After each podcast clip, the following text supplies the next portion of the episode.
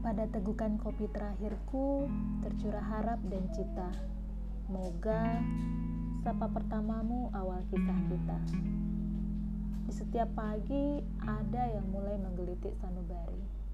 Syair yang kau tulis mewakili isi hati. Bagaimana kabarmu hari ini, Adin? Aku sempat cemburu pada awan yang sering kali kau pandang. Hatiku tak cukup menjadi rumah bagi jiwa petualang.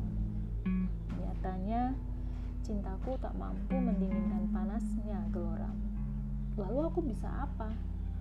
Mengais belas kasihmu yang kau cecer sepanjang jalan. Bukan, itu bukan cinta jika hanya membawa luka dan derita. Selalu ada yang melintas di kepala, entah itu syairmu atau wajahmu yang hanya bisa kureka.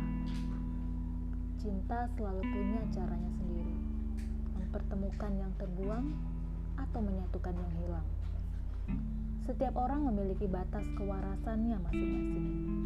Hanya saja memilih bertahan, diam, atau melepaskan adalah kesepakatan hati dan akal.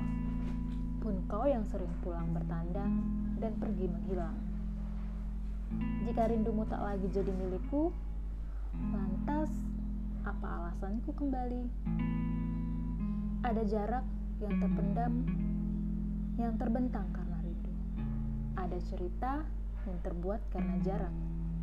Aku percaya ceritamu dan ceritaku akan jadi cerita kita saat kita bertemu.